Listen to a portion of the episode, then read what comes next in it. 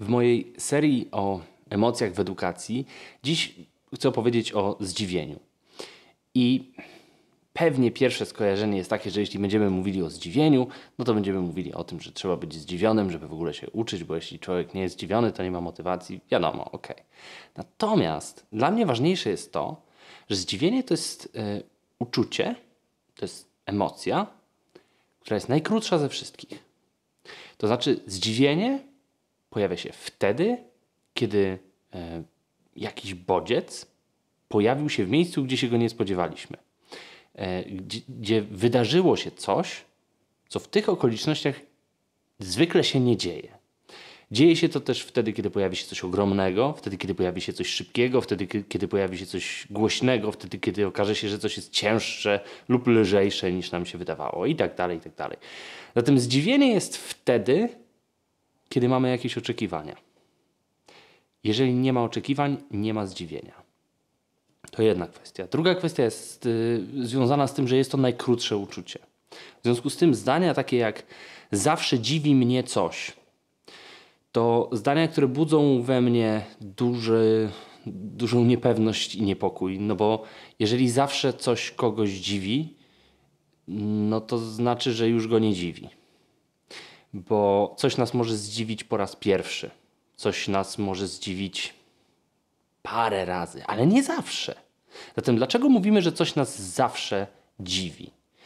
Pewnie dlatego, że e, to zdanie zawsze dziwi mnie coś jest takim ekwiwalentem zdania nigdy nie zrozumiem czegoś tam. Zatem jest to pewnego rodzaju postawa. To nie jest tak, że ja faktycznie te emocje czuję, tylko ja karmię je w sobie. Ja wz próbuję wzbudzić je w sobie wtedy, kiedy coś nie pasuje do moich oczekiwań.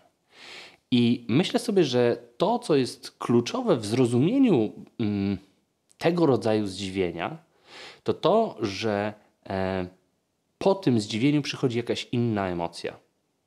Bo mówiłem, że ona jest najkrótsza, ale to wcale nie znaczy, że po niej nie przychodzi nic później. Zatem po zdziwieniu przychodzi jedna z emocji, o których mówiłem, czyli albo strach, albo gniew, albo któreś z emocji, o których powiem jeszcze w kolejnych filmach, czyli na przykład e, radość, na przykład smutek, na przykład e, pogarda. Natomiast e, żeby móc to zdziwienie e, przekształcić w sobie w jakąś inną emocję, no potrzebne jest zrozumienie tego, co przyjdzie dalej. Zdziwiło mnie, ok, ale co dalej? Czy zdziwiło mnie i przestraszyło, bo było wielkie, głośne, ciężkie? Czy y, zdziwiło mnie i rozgniewało, bo stanęło mi na drodze do czegoś? Czy zdziwiło mnie, a potem mnie y, zasmuciło, bo odebrało mi coś, co miałem przekonanie, że już trzymam w rękach? W związku z tym zdziwienie jest y, emocją, którą, żeby dobrze zrozumieć, Trzeba przyjrzeć się jej wtedy, kiedy powstaje. I to prowadzi mnie do tego drugiego podejścia, e, które pokazuje, że zdziwienie wymaga tego, żebyśmy mieli jakieś oczekiwania. To, że mamy jakieś oczekiwania, jest warunkiem do tego, żeby wystąpiło zdziwienie. I bardzo często jest tak, że reagujemy zdziwieniem, na przykład wtedy, kiedy ktoś odda pracę za późno, albo wtedy, kiedy ktoś odda coś, co jest kompletnie niezgodne z kryteriami. Ktoś zachowa się w sposób inny niż byśmy tego od niego oczekiwali, zwykle gorszy niż byśmy tego od niego oczekiwali. E, w związku z tym zdziwienie wymaga od nas tego, żeby przyjrzeć się temu, w co się zmienia, ale też jakie mieliśmy oczekiwania w związku z sytuacją, w której to zdziwienie wystąpiło. E, te dwa elementy pozwalają nam, uczącym, e, złapać swoje zdziwienie i działać z nim dalej. Nie pozostawać wiecznie zdziwionym czymś, co tak naprawdę nie powinno nas dziwić. E, bo pojawia się drugi, trzeci, czwarty, piąty i tak dalej. Raz. Poza tym, zdziwienie jest też takim, taką emocją, która wymaga dystansu.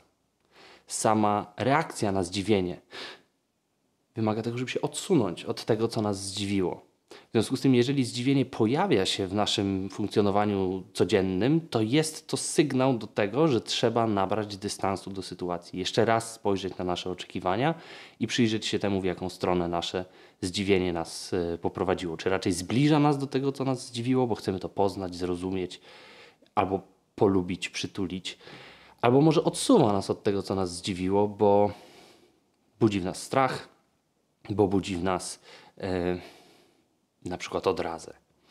E, zatem, żeby faktycznie obsługiwać zdziwienie w edukacji, nie można trwać w nim. Trzeba się mu przyglądać. Warto się dziwić, warto być zaskoczonym, warto dawać się zaskoczyć. Bo edukacja jest zjawiskiem, które odbywa się między ludźmi. Ludzie z natury są zaskakujący. Natomiast, żeby dawać się zaskakiwać nowym rzeczom, a nie trwać w nieprzepracowanym zdziwieniu, które wielokrotnie się powtarza.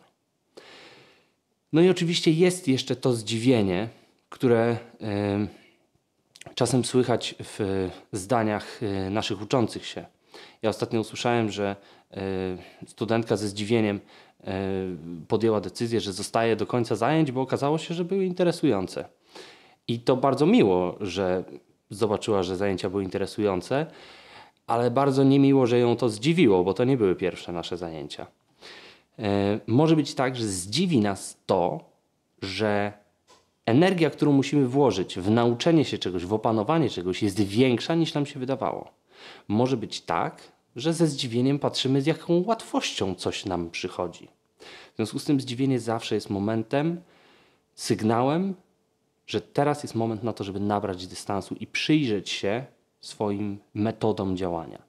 Zatem nie jestem zwolennikiem pielęgnowania ciągle tego samego zdziwienia.